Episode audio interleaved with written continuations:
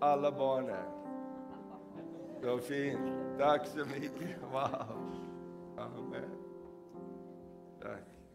Amen. Wow, vi får gå ner här på trappen.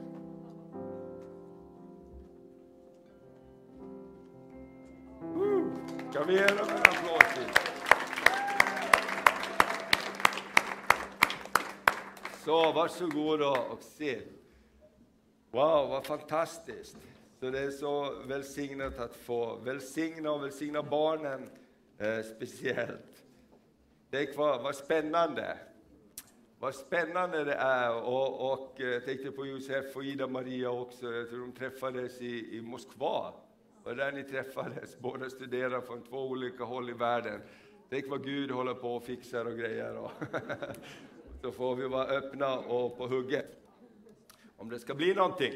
Han fixar inte allt, men han förbereder förutsättningarna. Så bra, vilken glädje det är att få dela Guds ord här eh, innan vi ska gå på semester också här i juli. Och eh, eh, jag har kommit på det att nästan varje gång jag predikar så här innan vi går på semester brukar jag predika utifrån Hebreerbrevet 11 om tro. Gud är trons Gud och Guds språk är trons språk och vi ska tala om att Gud är generationernas Gud också. Eh, därför att eh, Guds språk är trons språk och det är det som är så fantastiskt. För Gud spelar det ingen roll hur gammal man är, hur ung man är, var man kommer ifrån. Gud förstår trons språk. Han gensvarar på trons språk. Och, och, det är därför det sägs, sägs också, vi sjunger en psalm, ringaste barn som beder, mäktar långt mer än hjälten som starkaste fästen byggt. Det finns något otroligt i, i trons språk som, som är oberoende kultur eller generation eller vad det än är. Och, och, eh, och genom tron så, så kan vi få vad utlovat är. Och genom tron så kan vi också möta framtiden. Det kan vara oroligt med framtiden. Hur kommer framtiden att se ut? Vad är det som händer? Mina vänner, vi behöver tro för att möta framtiden. Tron ger oss ro. Eller hur? Tron ger oss en trygghet som ingenting annat kan ge oss. Och det är tron på en Gud som bär oss och håller oss i sina armar. Tro, genom tron kan vi också besegra utmaningar som möter oss. Genom tron kan vi uppleva trons ande som finns i oss. När vi möter utmaningar så kanske vi behöver någon som uppmuntrar oss. Och plötsligt så väcks tron till liv på insidan av oss. Amen. Jag tar tag i Guds löfte. Det här kommer att gå. Hur många har blivit uppmuntrade av någon som har talat till dig trons ord någon gång? Alltså tron kommer och, och, genom hörande, tron kommer när vi delar saker med varandra som bygger på Guds ord. Och det ger oss kraft att möta utmaningar. Och genom tron så förs också Guds rike vidare från generation till generation. Och jag tänker på det, vi ska strax åka ut till den här ön jag kommer ifrån och, och någon frågar och, och, om vår släkt där och det finns eh, en släkt beskriven ända till från 1536 så finns vår släkt beskriven där på den där ön. Man kom kanske ingenstans därifrån. inte vet jag. Men då ser man också när man följer historien hur tron på Gud har varit någonting väldigt väsentligt. Men man kan också se när man har tappat tron på Gud, när, när människor runt omkring eller någon i släkten har tappat tron på Gud och gått någon annanstans och börjat göra andra saker, hur, hur destruktiva saker har kommit in och förstört och slått sönder saker. Så någonstans med facit i hand, Eh, min lärare i skolan sa det viktigaste ämnet du kan lära dig är historia. Kanske för hon var historielärare. Men, men jag brukar tänka på det faktiskt, därför att glömmer vi vår historia så upprepar vi jättelätt misstag. Och kommer vi ihåg vår historia, varför har Gud gett oss en bok? Därför att vi ska inte glömma historien och inte heller framtiden. Och jag tänker det också när vi, när, vi, när vi talar om tron på Gud så är det någonting vi bär med oss, men det är någonting som vi längtar efter också alltid att föra över. Som familjen är som bar fram sina barn, de längtar att Guds välsignelse ska föras över och vandra i deras generation och gå vidare. Så om vi öppnar i Hebreerbrevet 11 ska vi ta fart där och, och läsa utifrån eh, det. Eh, det är trons kapitel och läs gärna hela kapitlet. Vi ska bara läsa några verser där och eh, dyka ner i några saker. Eh, och vi börjar att läsa Hebreerbrevet 11, vers 1-3. Tron är en övertygelse om det man hoppas. Lägg märke till om det man hoppas. Det betyder att du inte är framme ännu, men du hoppas. Amen. Eh, och så läser vi vidare. En visshet om ting som man inte ser. Genom tron fick fäderna sitt vittnesbörd. Och genom tron förstår vi att universum har skapats genom ett ord från Gud, så att det vi ser inte har blivit till av något synligt.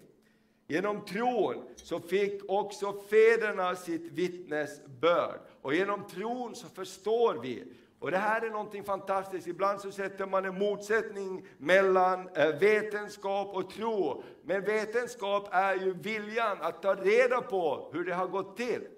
Det har ingen motsättning till tron. Om Gud har skapat så vill vetenskapen egentligen i sin ädlaste form ta reda på hur gick det till, hur satts allting ihop och så vidare. Hur hänger saker och ting ihop? Och fienden försöker ofta sätta motsättningar mellan vetenskap och tro. Det behöver inte vara så. De främsta vetenskapsmännen i världens historia som vi citerar, Isaac Newton och flera andra, de var varmt troende personer som trodde på Gud och sökte Gud först. Och, och, jag tänker så här, genom tron förstår vi, men också genom tron fick fäderna sina vittnesbörd. Och det är det vi ska utgå ifrån och gå tillbaka och titta lite grann här. Och om vi hoppar vidare till vers 7, och så läser vi vers 7 och vers 13 och 16. Och vi kan jättegärna läsa tillsammans. Är du redo? Bra. I tron byggde Noa en ark i helig fruktan för att rädda sin familj efter att Gud hade varnat honom för det som ännu ingen hade sett. Genom tron blev han värden till dom och ärvde den rättfärdighet som kommer av tro. I tron dog alla dessa utan att ha fått det som var utlovat. Men de hade sett det i fjärran, hälsat det och bekänt sig vara gäster och främlingar på jorden.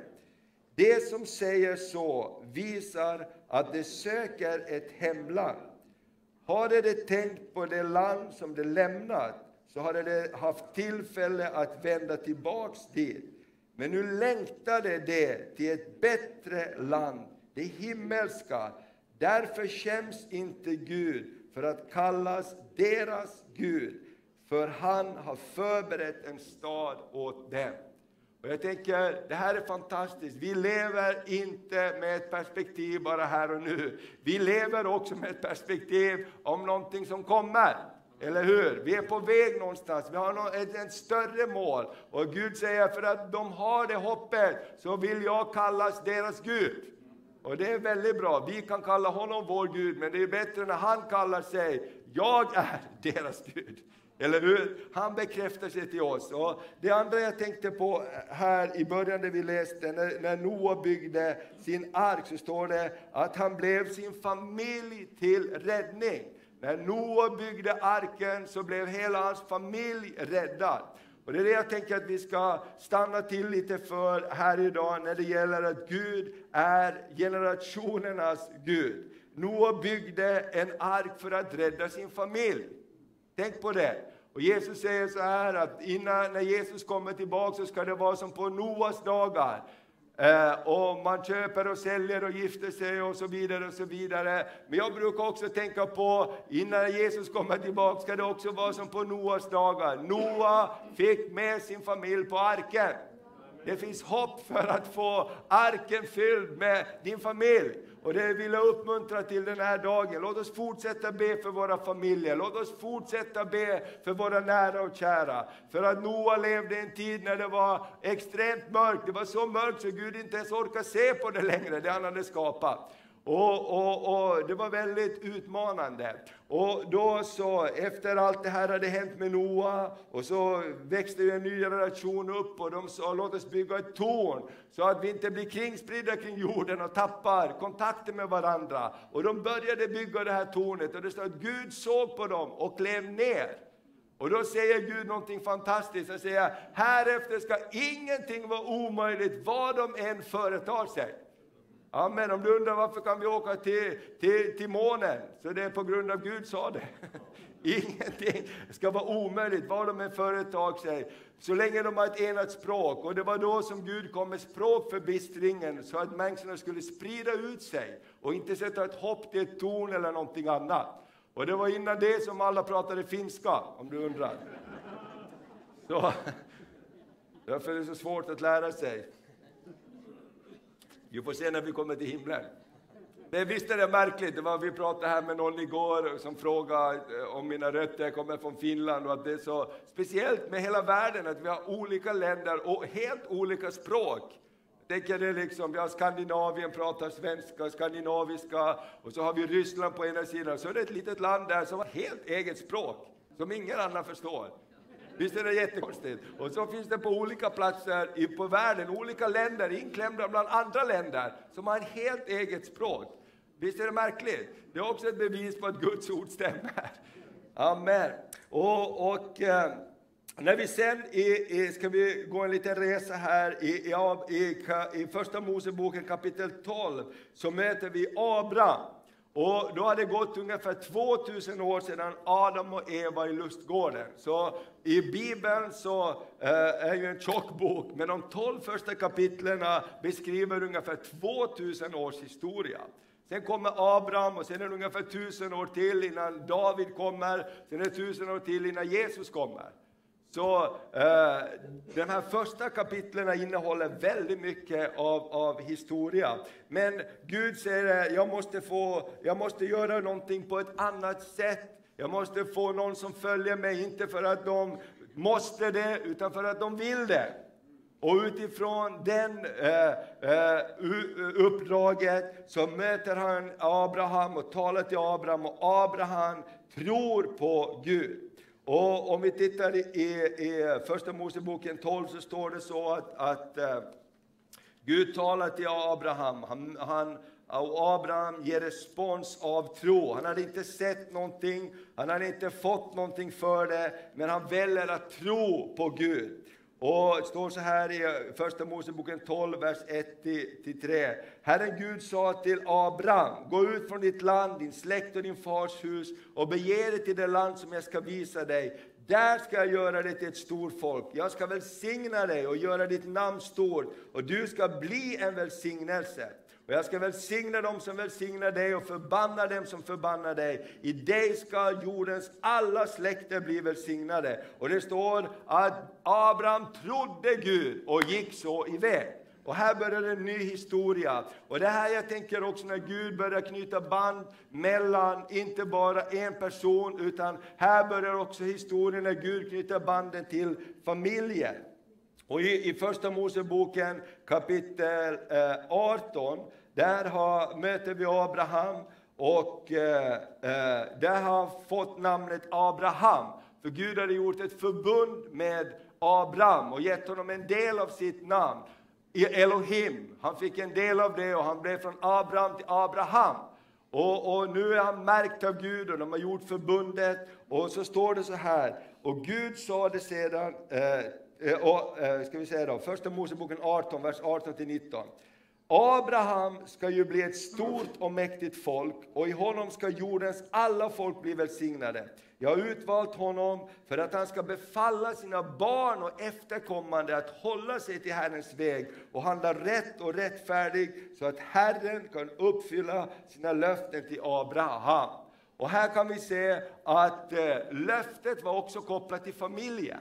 Och därför tänker jag det är alltid strid om familjen, det är alltid strid om nästa generation. Därför att tron är inte någonting man bara kan droppa över som ett paket och säga varsågod, här får du ett paket. Utan tron är en upplevelse.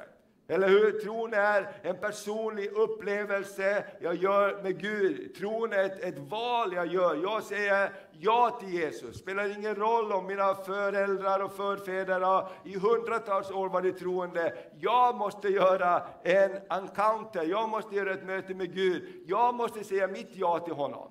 Eller hur?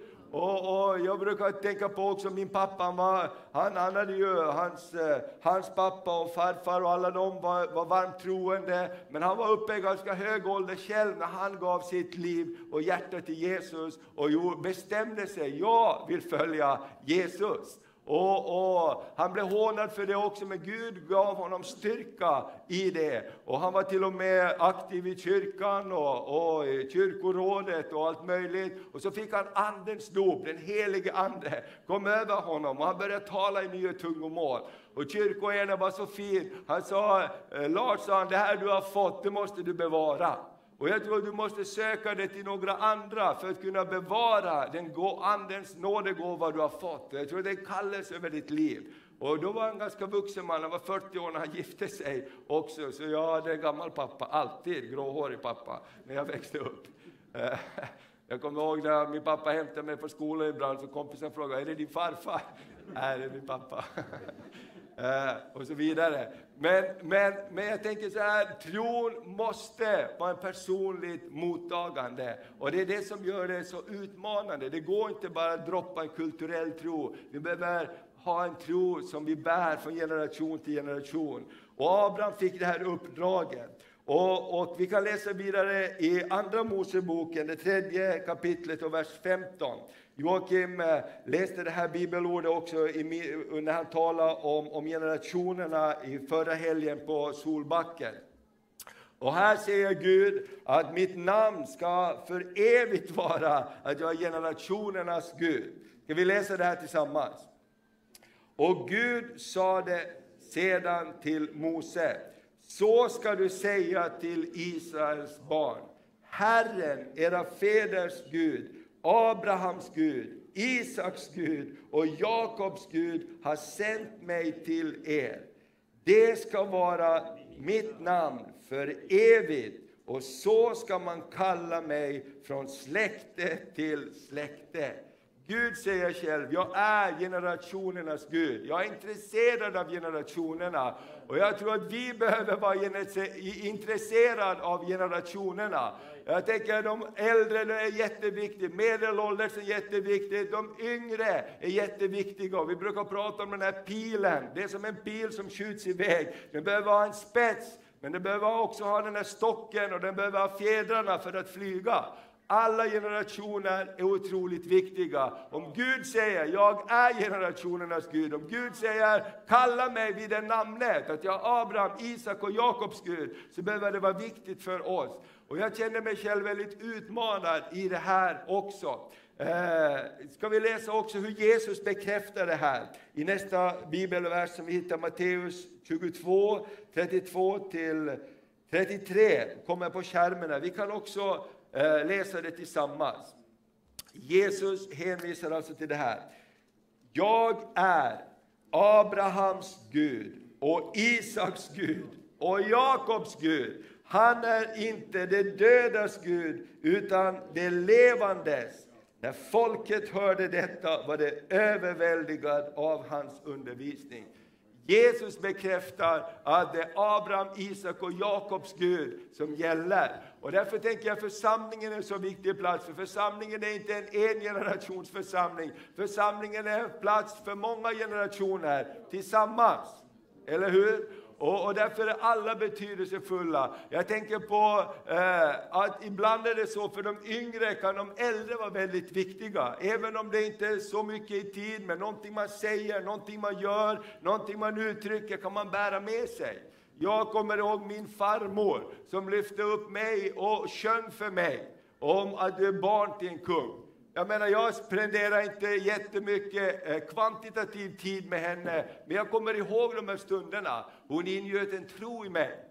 Jag kommer ihåg att på sitt nattduksbord så hade hon en liten bok som hette Dagens lösen. Är det någon som har hört talas om det?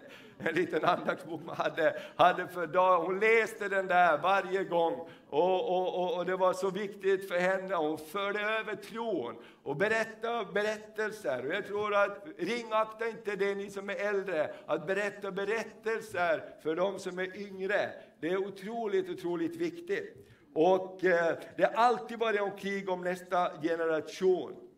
Och, och, det är alltid någonting vi behöver jobba med hela tiden. Eh, vår överföring av tron är faktiskt knuten till också församlingens överlevnad. Amen. Det är inget självklart liksom att, att det bara går vidare. Utan jag tänker så här, låt oss ha det här i våra hjärtan som en bön. Och jag, jag blev så utmanad när vi pratade om hösten här och, och, hur det ser ut. Så bara i vår fantastiska stad med alla underbara församlingar så har vi faktiskt ingen ungdomspastor eh, eh, i nästa år. Vi har ungdomsledare och det löser sig säkert. Så, men jag tänker på för, för vi har ju varit här i över 20 år. Jag menar, Kommer ihåg när Andreas var ungdomspastor, då hade vi ungdomspastor i Pingstkyrkan, i Elimkyrkan. Det var flera ungdomspastorer som, som jobbade tillsammans och träffades. Och jag tänker, vad, det här är ju ett allvarligt tecken egentligen. Eller hur? Och jag vet Estelle och alla som jobbar med ungdomar, de har jobbat mycket tillsammans med de andra, någon annan kyrkas ungdomsledare, för de känner sig också ensamma. Och jag tänker det, det här är ju jätteviktigt för oss. Eller hur? Så låt oss ha det i våra hjärtan och be för det här. Det kanske är vår viktigaste sak att be för. Jag tänkte Pekka var här från Finland under King of Kings och han sa 50 procent av alla församlingar som har rört sig i Finland har ingen ungdomsverksamhet. Hälften av alla församlingar har ingen ungdomsverksamhet. Alltså vilken utmaning!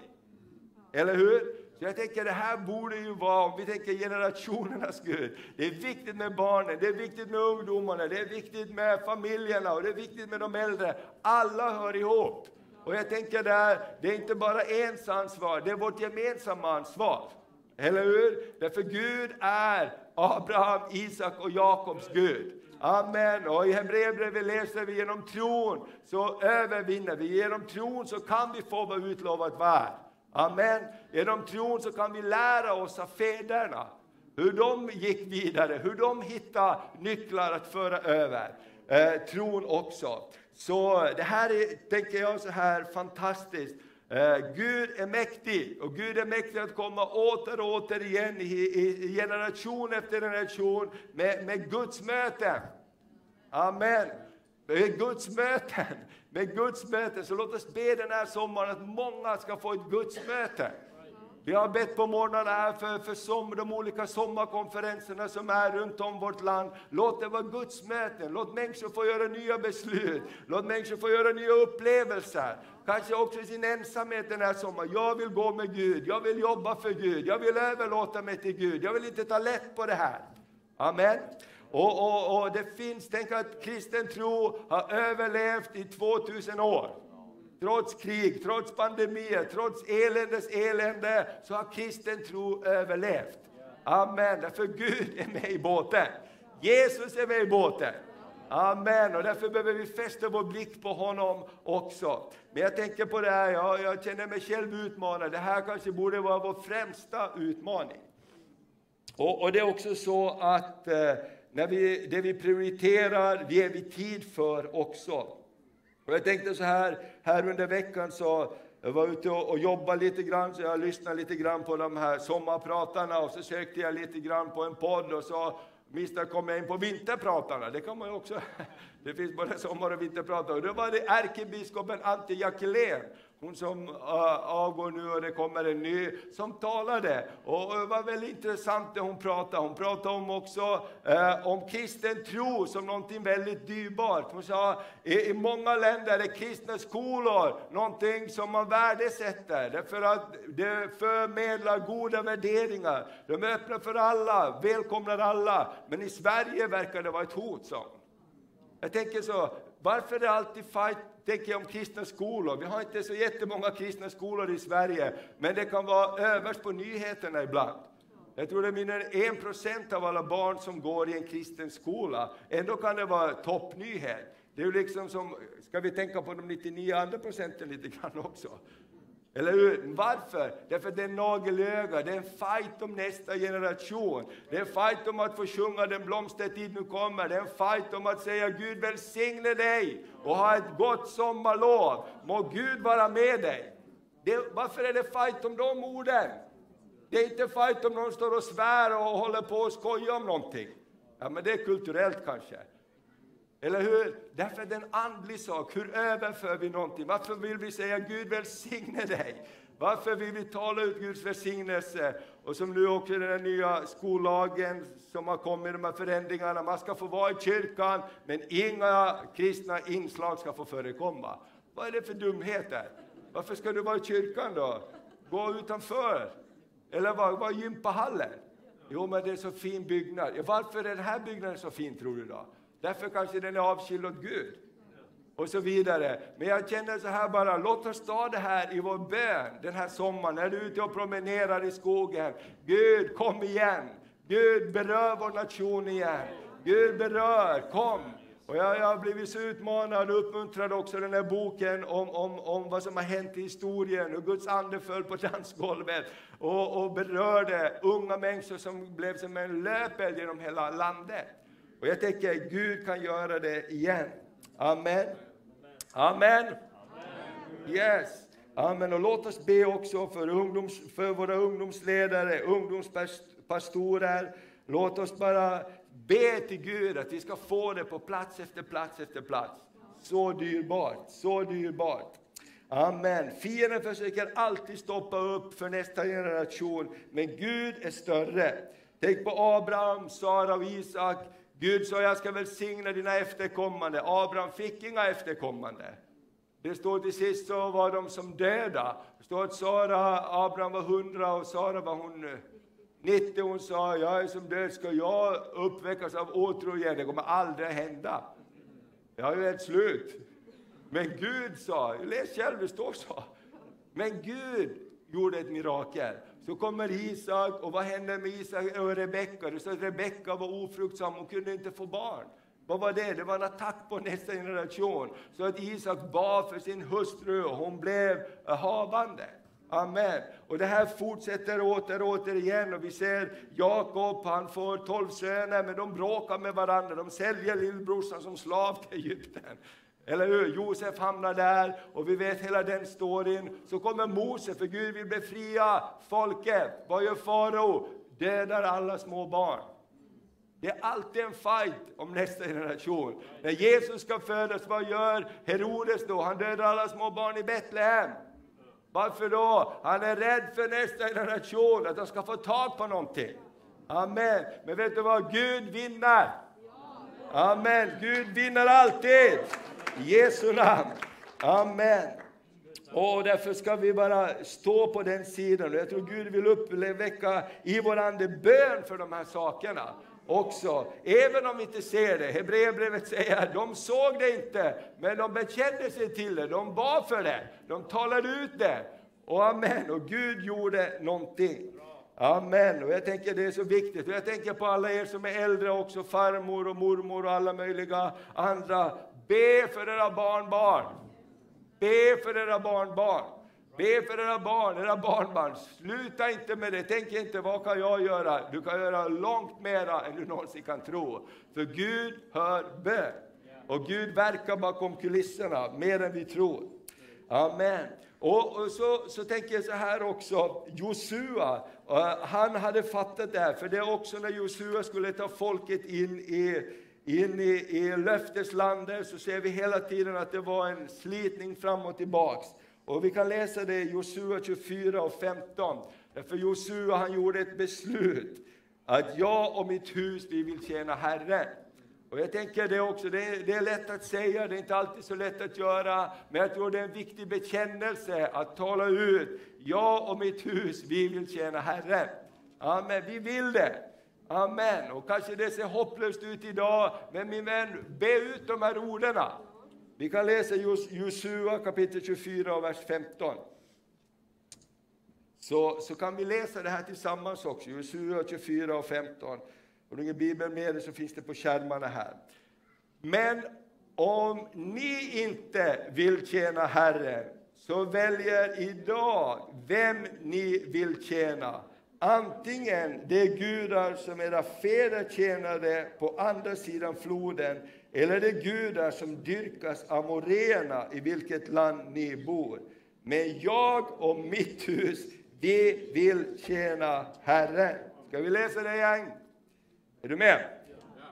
Men om ni inte vill tjäna Herren, så välj idag vem ni vill tjäna. Antingen de gudar som era fäder tjänade på andra sidan floden, eller de gudar som dyrkas av amorena i vilket land ni bor. Men jag och mitt hus, vi vill tjäna Herren. Ska vi ta det som en bön den här sommaren? Jag och mitt hus, vi vill tjäna Herren. Jag talar ut över dina barn, över dina barnbarn, över din familj. Även om det kanske säger totalt annorlunda ut just nu, så finns det en proklamation i din bön, det finns en proklamation i, din, i, i, i, det profetiska när du tror, lägger tro bakom det och talar ut det. Amen. Och jag vet att Gud kan göra det mest omöjliga möjligt. Gud kan ta det som ser omöjligt ut och Gud kan skapa någonting vackert utifrån det. Amen. Och, och, jag brukar tänka på Bett som var här och talade också, han som var suttit så många år i fängelse och varit så våldsam på många sätt, hur hans mamma tog en bibelskolebroschyr och sa min son som det idag ser hopplöst ut, jag tar den här bibelskolebroschyren, jag tror hon hade den på kylskåpet och de bad tillsammans med hennes väninnor, för i tio år så bad de för, min son ska komma ut ur droger, kriminalitet, han ska komma ut, han ska bli en Herrens tjänare. Och det såg bara värre och värre ut. Amen. Men för Gud var det inte hopplöst. Och jag tänker det, det, är så fantastiskt. Jag kommer ihåg Sebastians mamma när vi pratade med henne en gång och, och vi frågade för dig som har stått på sidan om allt det här som har hänt. Vad tycker du att det är det mest som har tagit dig mest? Och då sa hon Bets. Det trodde jag aldrig att han skulle kunna förändras. Du alltid tror om din egen son att han kan förändras. Men hon såg ju Bets från sidan. Hon sa, det trodde jag aldrig. Jag, tror, jag, kunde, jag kan inte förstå hur han har kunnat förändras. Och idag så har han gått bibelskola och alltihopa och, och tjänar Herren. Så ge inte upp mina älskade vänner. Låt oss ha det här som vår bekännelse. Jag och mitt hus, vi vill tjäna Herren. Amen. Och så ska vi avsluta med att eh, läsa det vi läste här i barnvälsignelsen också. Hur Jesus eh, bekräftar och, och, bara det här med familjen, vad viktigt det är med generationerna. Vi kan läsa i Markus, det tionde kapitlet, vers 13 till 16. Eh, Markus 10. Eh, för Jesus blir arg, för han säger låt barnen komma till mig, hindra dem inte. Och det är så mycket som försöker hindra barn att komma till Jesus idag. Eller hur? Det, det är ju rent skrämmande. Varför ska det vara så farligt med Jesus? Varför är det så farligt med Gud? Varför är det så farligt om barn får höra om Gud? Du kan titta på och spela vilka tv-spel och döda människor, blodet flyger åt alla håll. Det är inte så farligt. Men att säga att Gud välsigne dig, det verkar vara farligt. Det säger mig att det kanske är någonting här som är lite luft, eller hur? Därför det, det, fienden är rädd för välsignelsen. Fienden är rädd, precis som vi har läst för eh, Mose, eh, för alla de här, ville stoppa nästa generation att få tag på det. Men vi ska be för det, vi ska proklamera det, vi ska se hur det kommer in. Halleluja, från alla olika hörn. Och vi, vi läser det här tillsammans, Markus 10, vers 13-16. Man bar fram små barn till Jesus för att han skulle röra vid dem. Men lärjungarna visade bort dem. När Jesus såg det blev han upprörd och sade till dem, låt barnen komma till mig och hindra dem inte, för Guds rike tillhör sådana som det. Jag säger er sanningen, den som inte tar emot Guds rike som ett barn kommer aldrig dit in. Och han tog upp dem i famnen, lade händerna på dem och välsignade dem. Amen. Så låt oss bara ha det här som en proklamation. Låt oss be för, för barnen, för ungdomarna. Låt oss be för våra egna hjärtan, att vi ska vara kontaktpunkter, eller hur? Att vi ska gå tillsammans. Vi har pratat om mentorskap och det är ett vackert stort ord, men egentligen handlar det om jag vill gå tillsammans med dig. Jag vill gå tillsammans med dig. Och, och eh, när vi ber också idag så ska vi be för familjerna. Och jag, jag tänker på det också, alla barnläger vi har haft, Mats och Susanne, vad mycket det har betytt. Och även om många av våra unga som var med på barnläger, de kanske inte går i kyrkan, men vi har alltid en kontakt med dem. Därför de fick möta någonting av himmelens Gud, som de kan inte liksom Förklara! För Gud mötte dem. Och jag, jag, möter ibland ungdomar som vi har på Broskolan som idag är äldre och det finns en connection där. De vet vad vi har connection till.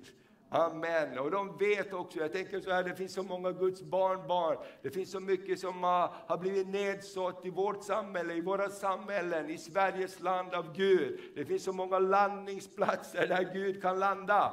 Eller hur? Och därför är det inte långt borta att få ett möte med Gud, att vandra med Gud. Och det är ofta så här att eh, de här eh, sakerna runt omkring kanske inte alltid passar in, men om man pratar med dem så är det ofta så att jag har inte tappat tron på Gud, men jag vet inte hur jag ska uttrycka det. Det är så mycket som river och sliter i livet och drar mig åt olika håll, men tron på Gud finns där. Och låt oss bara be också att vi ska kunna skapa miljöer där människor kan komma tillbaks till Gud. Eller hur? Skapa miljöer där människor kan känna sig välkomna, förlåtna, ta nya tag. Inte bli nedhackade på varför du gjort si och så, utan precis som när Gud kommer till Abraham eftersom han hade gjort eh, Haga med barn och Ismael hade fötts, så står det när Gud kommer till honom, så säger han ingenting om det, utan han säger Lyft din blick Abraham. Lyft din blick Abraham. Det där tar vi senare. Men nu vill jag uppmuntra dig att lyfta din blick, för din kallelse finns kvar. Ditt uppdrag finns kvar. Ett misstag hindrar inte dig att fullfölja det Gud har kallat dig att göra. Och jag vill att den anden, den atmosfären ska få finnas i församlingen. Ditt misstag hindrar dig inte för att löpa vidare, upp på banan igen.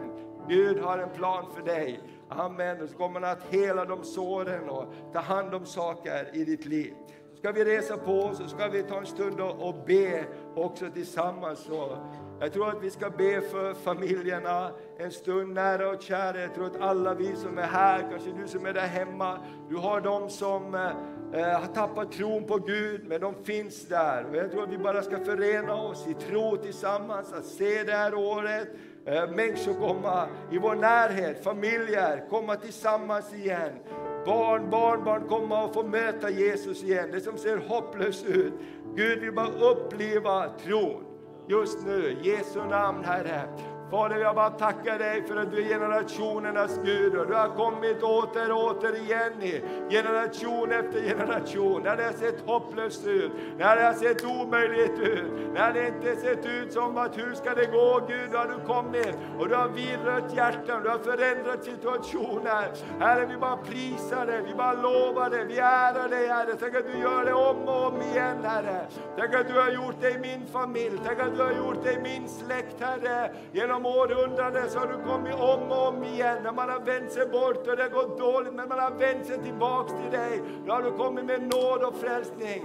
Herre, jag bara tackar dig Fader, i Jesu namn för en ny tid i Sverige. Vi bara tackar dig Herre, för skördetid. Du har sagt skörd och vi ska bara tro dig om körd Fader, på område efter område i våra familjer. Och det fienden har stulit, det måste han ge tillbaka. Det fienden har stulit, det måste han ge Ge tillbaks! Det fienden har stulit, det måste han ge tillbaks! I Jesu namn, för våra familjer ska med på båten.